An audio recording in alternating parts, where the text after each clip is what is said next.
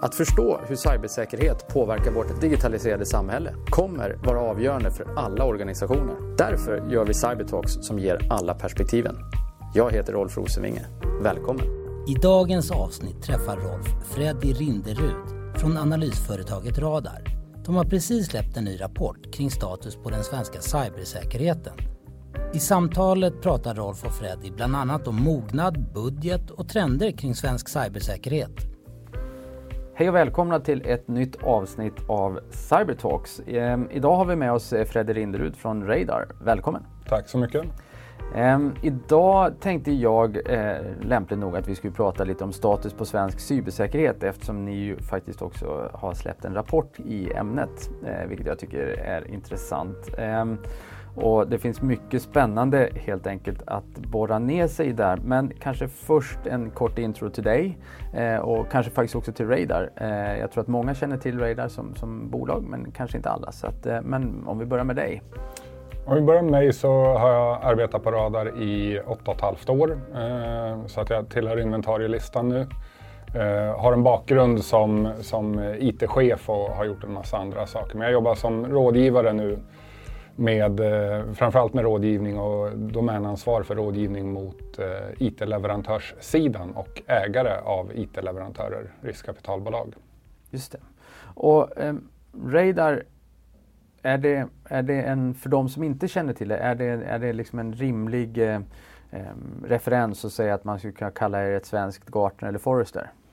Ja, kanske. Vi gillar väl inte riktigt det och blir kallade det. Men, men, men visst, det, fin det finns väl vissa likheter. I grunden är ju vi ett analytikerhus. Vi släpper rapporter, vi följer den svenska, eller den nordiska IT-marknaden. Eh, vi har ungefär 3000 beslutsfattare runt om i Norden som berättar för oss vad de investerar i, vad de planerar, vad, hur det går, eh, utfall av det de gör eh, vad de planerar långsiktigt och utifrån det så bygger vi insikt om hur IT-ekosystemet ser ut. Och det är ju grunden i det, i det vi gör och det är väl kanske det som de flesta känner igen av Radar också, att man har sett en Radar-rapport eller man har, man har sett mig eller någon annan bara stå på någon scen och berätta att det här händer eller så här ser det ut. Sen, sen eh, det som syns mindre av men, men som vi kanske jobbar mest med är ju, är ju rådgivningen, den strategiska rådgivningen både på köparsidan och leverantörssidan. Och det är väl något om vi ska jämföra oss med Gartner som kanske skiljer oss eh, mycket. Att, att vi, vi är lokala, vi är nordiska, vi, vi eh, jobbar bottom-up i Norden så att säga. Vår, det är inte global data som bryts neråt. Och vi eh, jobbar ungefär 50-50 med leverantörs och köparsidan med rådgivning. Just det. Och, um, och så släpper ni ett antal rapporter varje år. Hur länge, och nu har ni släppt en om cybersäkerhet och det är egentligen den vi ska sen eh, komma till mycket mer i detalj. Men hur länge har ni, hur länge har ni bevakat cybersäkerhet som, som område? Specifikt som, om, som område så, så har vi ju gått mycket djupare in på det de senaste åren. Vi försöker ju följa det, den marknadsutveckling som generellt är. För, för tio år sedan skrev vi mer om molntjänster än vi gör idag. Idag skriver vi mer om cybersäkerhet än, än vad vi gjorde för tio år sedan. Men vi har ju följt området så länge Radar har funnits. Sen har vi fått anledning nu då, de senaste tre, fyra, fem åren att gå djupare ner i cybersäkerhetsområdet. Just det. Så att, um, um och nu har ni släppt 2021 års rapport. Som 2021 års rapport ja. Och vad kan man säga, vad är, vad är rapporteringsperioden? Liksom för, är det 2020 som man har tittat på och sen analyserat under Q1? Ja precis, vi, vi, vi tittar ju på hur såg investeringarna ut, hur såg prioriteringarna ut under föregående år och vad har man planerat för för 2021 och längre fram. Så att det är både en, en, en återblick vad faktiskt hände 2020 och vad planerar man att göra nu 2021 och framåt? Just det. Um, jag har ju läst den här uh, och jag har även läst de, de tidigare uh, genom åren. Jag tycker faktiskt det finns ganska mycket matnyttigt att, att plocka ut ur de här och jag tror också man tänker att Cybertalks Alltså podden här, alltså ett av syftena är ju också att ha ett kontinuerligt samtal kring vår fråga, cybersäkerhet, men också göra det från ett ganska seniort perspektiv och mm. mycket beslutsfattarperspektivet och så vidare. Och jag tror att det finns ganska mycket att hämta som underlag för lite mer strategiska diskussioner ur era rapporter. Men kan du berätta lite mer också om hur går ni tillväga då? Hur, hur går faktainsamling, bearbetning, analys eh, till som sen leder fram till den här rapporten? Vad, vad, vad har ni för primärkällor? Vad tittar ni på? Eh, teman och, och så vidare? Ja, men som, som, som, jag sa, eh, när det handlar om datainsamling så har ju vi ungefär 3000 beslutsfattare ute på köparsidan då i, i Norden. Ehm, som vi intervjuar inom olika områden. Sen svarar inte alla 3000 på alla, på all, alla undersökningar eller alla områden. Då. Men, men det är där vi hämtar. Vi hämtar ju vår eh, insikt med lokala datapunkter i, i det nordiska landskapet. I det här fallet så är det ju svenska datapunkter. Så att vi bygger, vi bygger en datagrund för att börja analysera i. Sen naturligtvis så gör vi intervjuer med, intervjuer med, med beslutsfattare på köparsidan. Vi jobbar ju med nästan alla eh, betydande IT-leverantörer i, det nordiska landskapet också, så att vi får naturligtvis mycket kunskap den vägen också. Vi har ju den här fantastiskt härliga rollen av att sitta i mitten av ett IT-ekosystem och alla berättar för oss vad de gör och vad de tänker för att alla vill veta vad andra tänker. Så vi brukar, vi brukar skoja om det ibland och säga att vi har världens bästa jobb för vi återberättar vad kunderna berättar för oss och tar betalt för det. Härligt. Du, eh, men om man då cirklar in, rapporten heter Svensk cybersäkerhet 2021. Ja. Ähm, och ähm, vad, vad, är då, vad är de viktigaste observationerna? Det är ändå intressant att börja där tycker jag. Ja, men det, det, det, är svårt, det är svårt att säga de viktigaste tycker jag utan att dyka ner i detaljer på en gång. Men generellt är ju rapporten uppbyggd. Vi tittar ju på, på hur, hur lite grann hur ser hotbilden ut men vi har inte lagt så mycket energi där för att hotbilden är det som det hela tiden pratas om. Och ah, många är duktiga på att berätta om hur hotbilden ser ut och vi, vi vill ju snarare gå in på men vad gör vi idag? och, och liksom eh, ge exempel på vad, vilka actions borde en, en CISO ta eller en verksamhetsledning ta eller och bli lite mer konkreta och konkreta kring utmaningarna. Varför lyckas vi inte med det vi gör eller hur ska vi lyckas? Men, men hotbilden är ju en del i det. Sen tittar vi på svenska verksamheters säkerhetsmognad och det är väl kanske en sån intressant finding att, att eh, i vår mognadsmätning så bedömer vi att 16 procent av svenska verksamheter är mogna. Och med det menar vi att man har en strategisk grund för och man har ett systematiskt säkerhetsarbete och man klarar av att, att möta på en rimlig nivå möta den hotbild vi har idag. Och det är för mig lite skrämmande att, att det är så pass få ändå som, som kan anses vara mogna. Och för det här, det, är, här är ju spännande och, och um, som alla med analytisk bakgrund så, så, förstår man också att det är viktigt att förstå definitionerna bakom olika saker. Men ni har ni har en mognadstrappa egentligen, mm. eller hur? Fyra Precis. nivåer.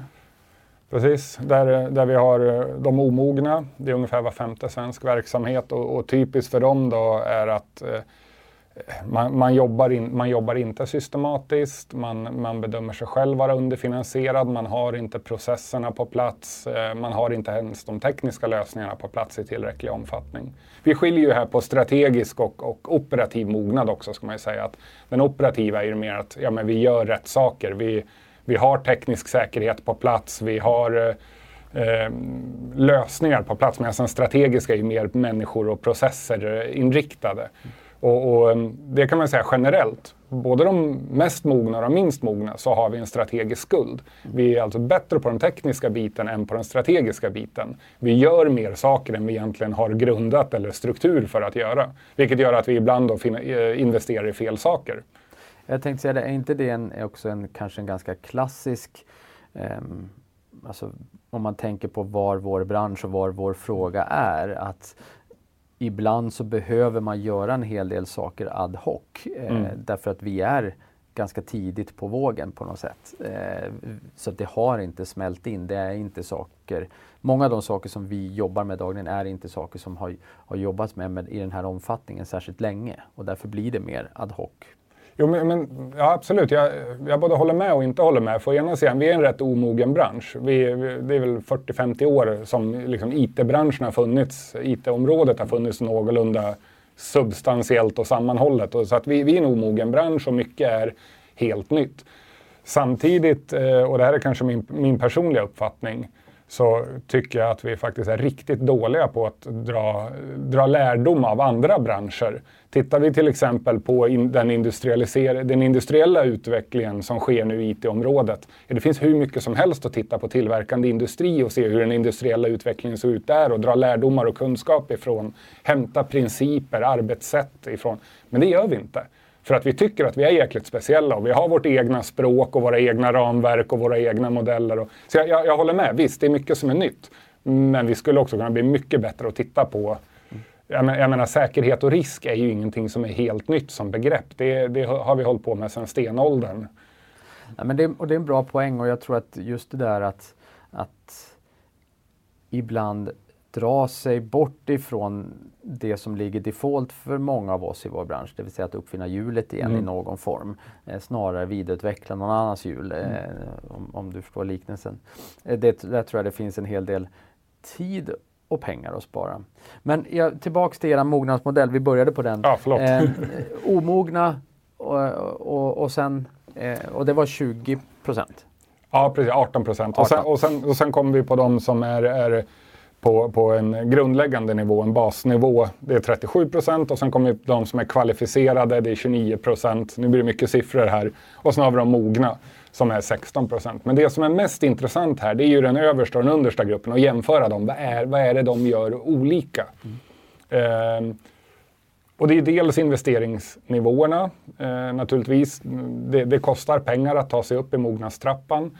Men det är också intressant att se att, att när du har kommit upp till den, den, den, den, den högsta nivån, där någonstans så, så, ökar inte kostnaderna mer utan där börjar man snarare effektivisera det som är den tekniska eller, eller operationella delen av, av säkerhetsområdet. Och då börjar man få skalfördelar och man börjar bli mogen i det man gör. Och, så, men sen en intressant jämförelse mellan de här två grupperna också är ju att de omogna lägger en väldigt stor del av, av sin, eh, säkerhets, eh, sina säkerhetskostnader på det tekniska. Man är väldigt fokuserad på det vi traditionellt har gjort, IT-säkerhet. Det är brandväggar och skalskydd och eh, antivirusprogram. Och den, medans de mogna, de, har liksom, de gör det här by default för att använda ditt uttryck eh, från alldeles nyss här. Men, men de, de kan redan det här. Det, det producerar man eller, eller, eller gör man på ett mer Eh, kostnadseffektivt sätt där man investerar mer och lägger en större andel av, av sina pengar, det är på det strategiska och operationella planet.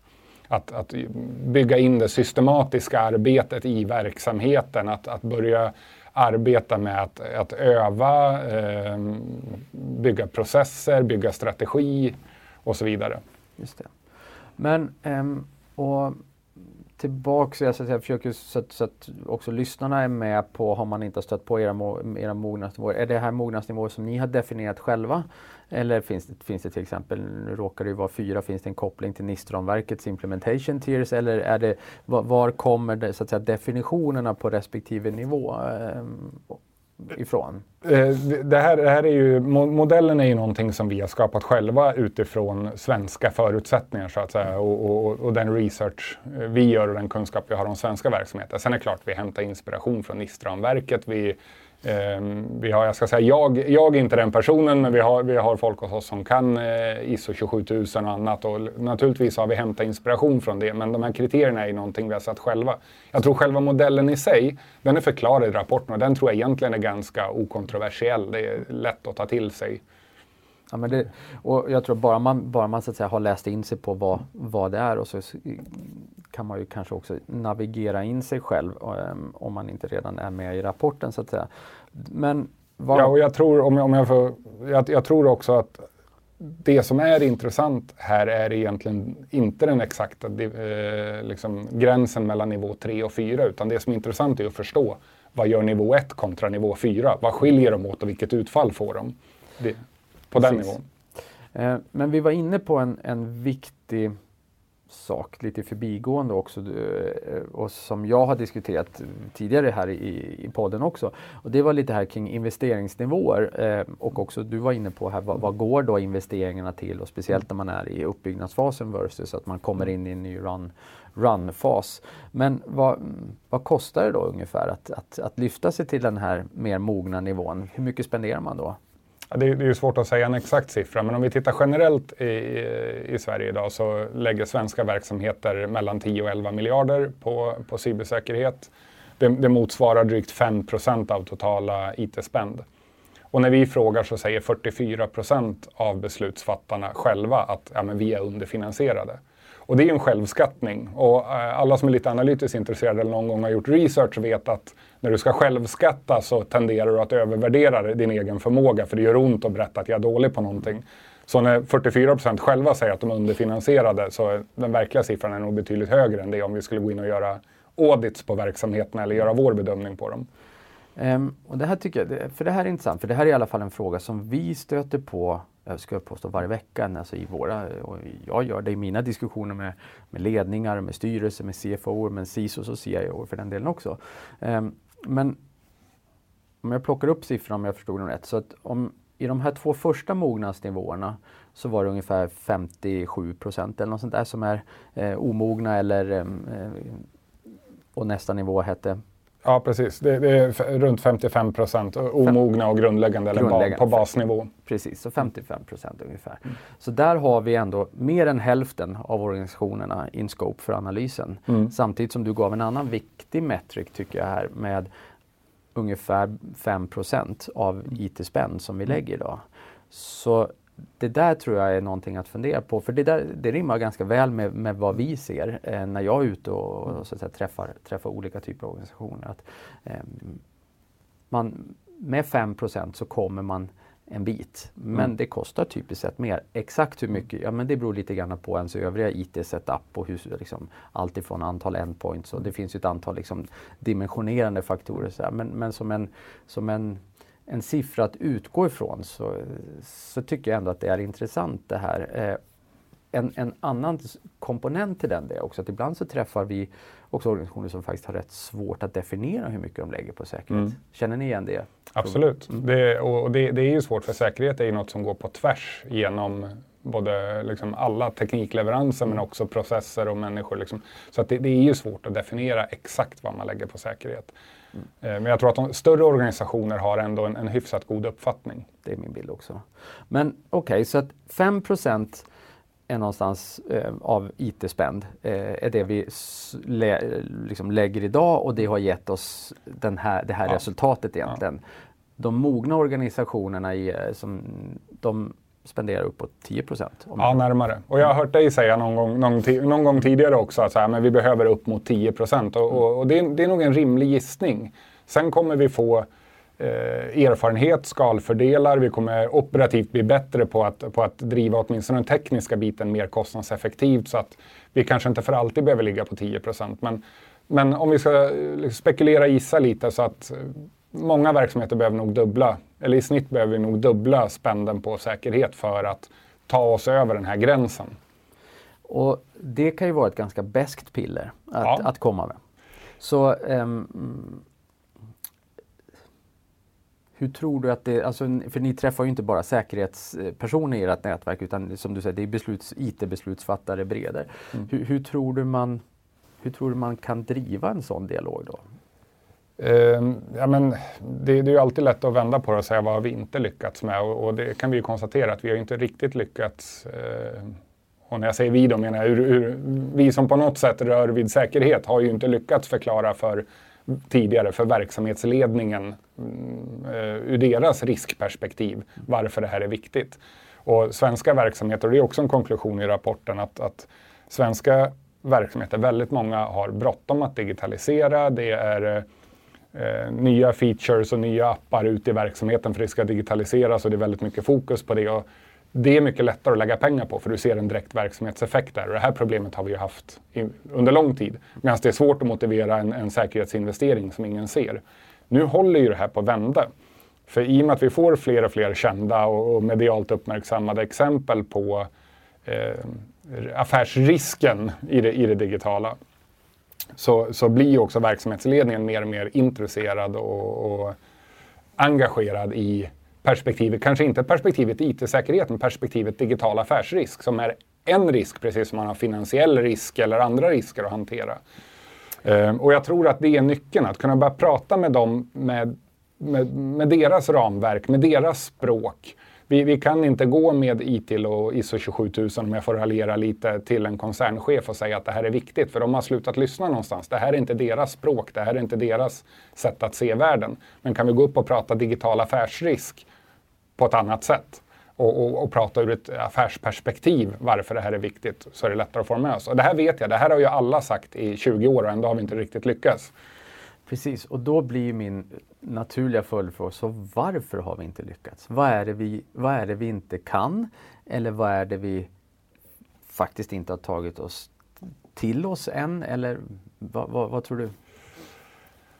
Ja, nu ehm, får jag väl sticka ut hakan lite då, för nu, men nu blir det tyckande igen här och kanske inte så faktabaserat. Men min upplevelse, jag har ändå, ändå jobbat rätt många år nu med och träffar väldigt många verksamheter både på leverantörs och köparsidan vi är omogna. Vi är dåliga att ta till oss perspektiv utanför vår egen lilla IT-värld och vi har väldigt bra stöd i de eh, ramverk och det sätt som vi arbetar på. Vi jobb, har jobbat med vårt eget språk, våra egna ramverk. Vi har haft en självbild av att vi är väldigt speciella och håller på med någonting som inte behöver lyda under samma principer som resten av verksamheten.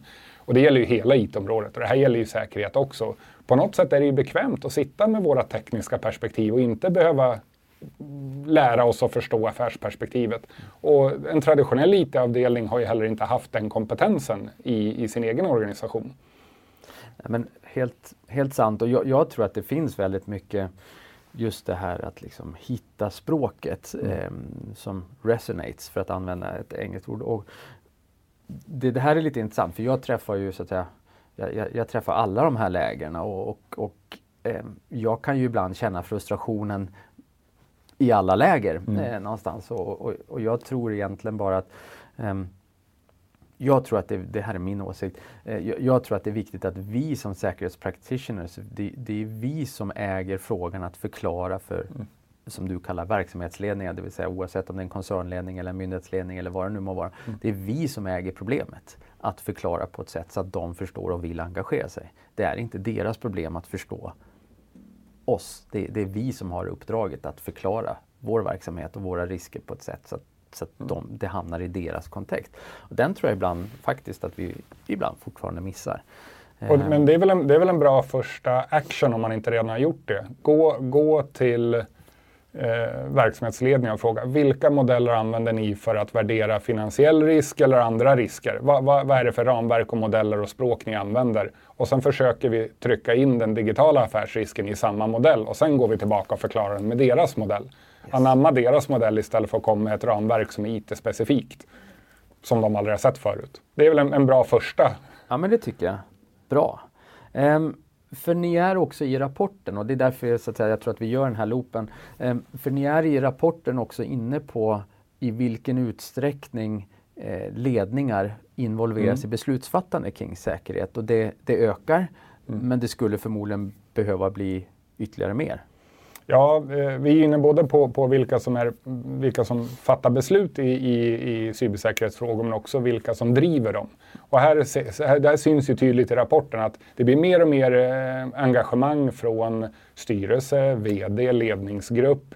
Eh, det of, blir oftare de som är beslutsfattare. Men när vi tittar på vilka som driver så är det i bästa fall CIO, men ganska ofta en, en, en, eh, någon på IT-avdelningen som driver frågorna. Så vi har ännu inte kommit dit att, att eh, eh ledningen är, är tillräckligt engagerade för att också vara en drivkraft för att göra investeringar. Utan, utan det är IT som, om man ska raljera lite, det är IT som tjatar och, och VD som säger ja, ja, gör den här investeringen då. Mm.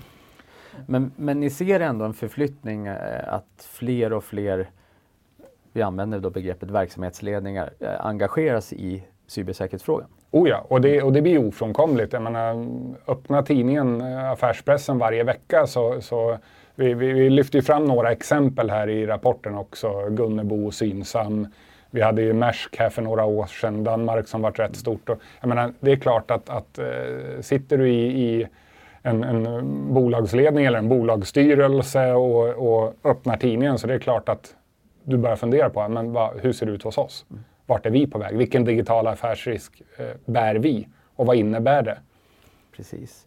Nej, men, och det, här, det här speglar ju faktiskt så säga, väldigt väl min bild också att, och det tror jag har nämnt här också tidigare, att min känsla är att både styrelser och ledningar är intresserade av just de här skälen. De har peers som har varit utsatta eller de läser mm. i tidningen och de förstår att det är intelligenta, smarta människor, annars hade de inte haft de positionerna.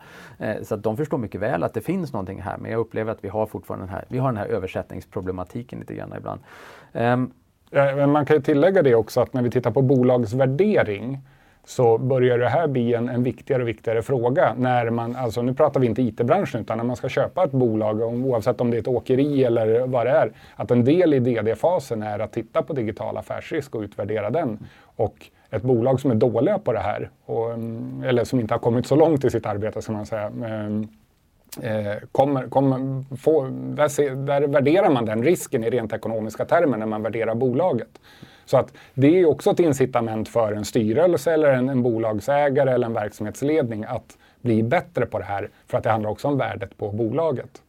Och nu är vi ju inne på sånt som, som är liksom verksamhetsledningarnas, företagsledningarnas språk. För menar, en, en VDs eh, yttersta ansvar, förutom att liksom rent operativt driva bolaget, är ju att skapa värde åt aktieägarna. Bo, mm. Då blir bolagsvärdering mm. oerhört viktigt. Och jag mm. håller med, vi har gjort en, vi har gjort en del sådana eh, liksom cyber due diligence mm. bara under de senaste 18 månaderna. Märker att det är definitivt ökande intresse. Mm. Förut så har man kanske i ma situationer jobbat ganska mycket med någon slags generell IT due diligence. Mm. Men nu kommer det här in och vi gör mognadsmätningar och tittar utifrån olika ramverk och försöker därmed också sen titta på spännivåer. Vi uppskattar investeringsbehov och det, det räknas faktiskt in i, liksom i business caset när man mm. säger okej okay, vad är det här bolaget värt? Vad är vi beredda att betala för det och så vidare. Eh, för vi vet att vi kommer ha en investeringsfas om X mm. efter efter transaktionen och så vidare. Mm. Det, det, tycker jag är en, en, det är en bra, positiv men också rätt spännande eh, utveckling och det kopplar ju egentligen in till din poäng här om att också börja prata mm. eh, om, om de här sakerna på ett annat sätt. Men, och kanske som ett sätt att avrunda den delen eh, så om vi nu säger att i snitt så spenderar bolag 5% Vi tror att någonstans uppåt 10% krävs för att åtminstone för att säga, ur ett investeringsperspektiv ta sig till de mer mogna nivåerna. Men innebär, innebär den, den spändnivån också att man undviker de här stora eh, incidenterna? Nej, inte, inte nödvändigtvis. Alltså, det är en försäkring. Och att du tecknar en hemförsäkring betyder inte att det inte kan börja brinna i huset. Däremot så har du väldigt mycket bättre förutsättningar för att, att eh, liksom vara resilient, förutse, undvika och, och, och, hantera när saker händer. Men, och, och så, är det, så är det ju med all, all typ av risk och krishantering, att det handlar om att ha processer och struktur, ha, ha tekniska förutsättningar eller förutsättningar för att undvika så långt det går, men ha processer och struktur på plats för när det händer. Så att nej, det finns ju inga garantier och det kommer aldrig finnas.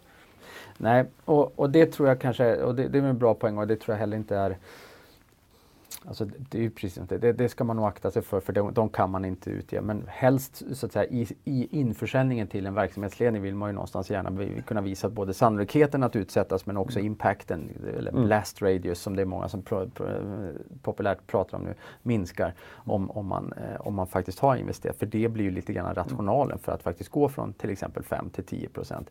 Mm. Eh, att det finns en, en value add här. Mm. Ja men, men det gör det och, och det blir, tror jag, ganska uppenbart också för en verksamhetsledning eller för verksamheten när man börjar göra de här ökade investeringarna. För om vi tittar på vad investeringarna ökar mest så är det ju på det strategiska området. Och där är ju verksamheten involverad. Så när man ökar spänden så är det inte fler brandväggar man köper där har vi eh, knappt 2 tillväxt tror jag på IT-marknaden på den tekniska säkerhetsbiten medan den strategiska växer nästan 20% För det är där vi är underfinansierade. Och när man börjar investera det där, då märker ju verksamheten det också för de blir involverade. Vi börjar prata informationssäkerhet, processer, ehm, eh, utbildning eh, och så vidare, övning, vilket, vilket gör att de blir ju eh, involverade på ett annat sätt. Just det. Och, eh, Det var en bra övergång till det jag tänkte också för, fråga om. För ni, i rapporten så, så, pratar ni också lite grann, så vad köper organisationer? Eh, och det tycker jag också är ganska intressant. Eh, och där, ni gör lite olika skärningar från eh, hårdvara, mjukvara, tjänster, eh, mm. konsulttimmar. Hur, hur ser det där ut egentligen? Nej men det är ju en mix som det är inom IT-området av olika leveransformer och den, den, tekniska säkerheten, där har du ju alla, alla varianter höll jag på att säga, från att, att köpa bruna kartonger till att köpa säkerhetsexperter till molntjänster till eh, den strategiska är ju, är ju mer konsulttjänster och rådgivning. Men det man generellt kan säga om den leveransformsmixen, eller man ska säga, är ju att vi går mer och mer att köpa som tjänst. Och det stämmer ju överens med IT-området i stort. Även om, om säkerhetsområdet kanske ligger 10, och 10 år efter många andra delar av IT-området. Men vi går mer och mer mot tjänst. Och det ena, eh, det ena huvudskälet till det är ju att den tekniska biten blir mer och mer standardiserat. Eh, leverantörerna har blivit bättre på att paketera och så. Eh, men, men en, en, viktig anledning till att vi går mer och mer mot att köpa som tjänst också, det är att vi har en enorm kompetensbrist inom säkerhetsområdet. Det är oerhört svårt att lyckas rekrytera eh, rätt säkerhetskompetens och då har du inget annat val eh, än att köpa det som tjänst från någon som lyckas. Eh, och det är klart att, att, idag när det är en stor kompetensbrist, eh, efterfrågan är mycket högre än, än tillgången på seniora, framförallt seniora säkerhetsspecialister, det är, ett, det är ett intressant förhandlingsläge. Det är, det är, arbetstagarens marknad eller konsulternas marknad vilket gör att ja, men sitter du helst på en, en, en, myndighet i Sundsvall och jobbar med halva lönen eller sitter du hellre på ett, ett häftigt säkerhetsbolag i, i Stockholm med dubbla lönen? Ja, för vissa kanske väljer Sundsvall av andra skäl men jag tror du förstår vart jag är på väg någonstans. Eh, så att det driver ju också att man köper mer och mer tjänst därför att det går inte att rekrytera och upprätthålla kompetens Eh, egen regi. Och det här tycker, jag tycker det här är en intressant diskussion för jag ser det också och eh, jag ser ju också hur jag skulle påstå att vi är, så att säga, vi är förmodligen bara i början i den här men jag tycker att indikatorerna är ganska tydliga nu att fler och fler CISOs och fler och fler av de diskussioner som vi sitter i handlar om att man börjar våga försöka göra något nytt. Mm. Eh, många tror jag, och jag kan bara gå till mig själv också, när jag var CISO, vi, vi, vi fastnade också i eh, liksom, att köpa resurser, mm. huvuden mm. till en timpenning eh, och sen satte man dem på att göra någonting. Eh, och jag tror att det där kanske är också lite mognadssteg som alla ska igenom. Men jag tycker att det är ganska tydligt att den där rörelsen nu är igång. Att man börjar så att säga, våga rita upp saker som går det här att tjänstifiera. Mm. Och, och liksom mer komplexa RFP eh, och sånt som kommer ut. Och, och, man säger att men här har vi ett område. Och, men jag tycker ändå också de exempel jag ser så gör man det faktiskt eh, rätt bra utan att falla i den här klassiska fällan att vi försöker outsourca vårt problem. Eh, för det är ju en sån här klassiker som jag tror att alla som har jobbat med IT känner igen. Att, eh, och så sitter man ett och ett halvt år senare och är lite missnöjd med sin, med sin IT-driftsleverantör mm. till exempel. Men det kanske inte leverantören det var egentligen var fel på utan det var att vi hade inte riktigt ordning på, på torpet själva i det vi outsourcar. Men där, där upplever jag faktiskt, vi har sett flera exempel på där jag tycker att man man försöker faktiskt inte outsourca problemet, man, men man börjar våga vara lite kreativ i hur man, mm. hur man paketerar vad man går ut och frågar efter, antingen i RFP-format eller, eller på andra sätt. Eh, det tycker jag är en spännande, det tror jag är en trend att hålla ögonen på. Jag tror att fler kommer att våga röra sig åt det hållet. Jag tror att det är bra. Det här är min bild. Mm. Eh, jag tror att det är bra för många inblandade, framförallt de upphandlande organisationerna, att, att våga ge sig på det. Håller du med om det påståendet? Jag, jag, håller med om att vi är på väg ditåt. Ehm, eh, jag, tr jag tror att, att, eh, vi har en del eh, strategisk grund att få på plats för att kunna göra det här, eller, eller styrningsdokument. Jag menar, om, om vi säger generellt att IT är ett ganska omoget område om vi jämför med tillverkande industri eller någon annan bransch, så är ju säkerhetsdelen av IT är inte de som har legat längst fram när det gäller industriell utveckling, eh, precis som du är inne på. Och om nu fler och fler verksamheter börjar få en, en eh, kvalificerad och, och eh, bra eh, sourcing-arkitektur för IT generellt så har vi eh, ytterligare någon, någon, bit kvar innan det börjar bli många verksamheter som har en tydlig sourcing-strategi, sourcing-arkitektur för hur man ska hantera säkerhetsbitarna i det. Men ja, visst, vi är på väg dit. Mm. Men, men, men det finns några steg kvar att ta. Ja, men det gör det. Men du, eh, tiden går fort här också. Eh, jag tänker så här, vi har etablerat ett antal, tycker jag ändå, intressanta eh, slutsatser här. Vi konstaterar att relativt få är fortfarande mogna. Vi ser en ökande spänn. Idag ligger det någonstans på 5% i snitt av mm. IT-spänn. Vi har en hypotes om att vi behöver röra oss mot 10 om, om man ska lyftas upp till de mer mogna nivåerna enligt er mognadsmodell. Vi ser att ledningarna blir mer engagerade. Vi ser en, en ökande grad av att köpa tjänster snarare än bara teknik eller, mm. eller huvuden. Ehm, det tycker jag ändå är ett antal positiva eh, trender eh, faktiskt. Är det, något, är det något annat stort som vi har missat i en rapport som vi, som vi också borde passa på att lyfta fram? Vad, vad borde man ha ögonen på om, om man inte redan har det? Ja, men det, det, det är många bitar, men, men om, vi ska, om jag ska fylla i det tycker jag som, som är intressant att, att dyka i. Men, men om, om, vi ska, om jag ska lyfta fram en så är det just hur, hur spänden förändras. Eh, cybersäkerhetsspänden förändras från att de omogna har väldigt mycket fokus på teknik medan de som har tagit sig upp de har gjort sin strategiska hemläxa och, och, och investerar mer där. Och det, det, är den stora skillnaden mellan dem. Och om, vi ska, om jag ska fylla i det du säger, ser som positiva indikatorer så, så, kan vi väl nämna också att leverantörslandskapet utvecklas ganska fort. Och det är värt att nämna tycker jag. För eh, antalet leverantörer som ändå har kritisk massa av säkerhetskompetens och som kan eh, som kan leverera på en kvalificerad nivå. Det, antalet sådana leverantörer ökar i Sverige. Eh. Och, och eh, Eh, även om vi har en väldig kompetensbrist inom säkerhetsområdet så, så eh, blir leverantörerna samtidigt bättre på att paketera och tjänstifiera själva också. Så att det finns hjälp att få i högre utsträckning och det här ser vi bara från år till år. Eh, vi ser de traditionella IT-tjänsteleverantörerna där säkerhet har varit något som, som har legat i kölvattnet som man kanske försöker sälja till kunden som, för att öka affärsvolymen. Men som det är okej okay om kunden säger nej till. Helt plötsligt börjar de paketera säkerhetstjänster och säga att nej, men vi kommer inte sälja den här driftsleveransen om, om vi inte gör det här och det här också. Man bakar in mer och mer. Så att eh, leverantörslandskapet utvecklas också. Det är också en tydlig en positiv indikator tycker jag. Bra.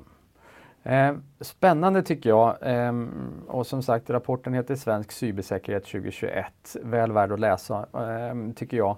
Ehm, vi brukar som avslutning i Cybertalks också komma med en fråga eh, till gästen om det kan vara en bok, en film, en podd, någonting annat som har informerat eller inspirerat som man vill dela med sig av till lyssnarna och jag tror att du har med dig någonting också.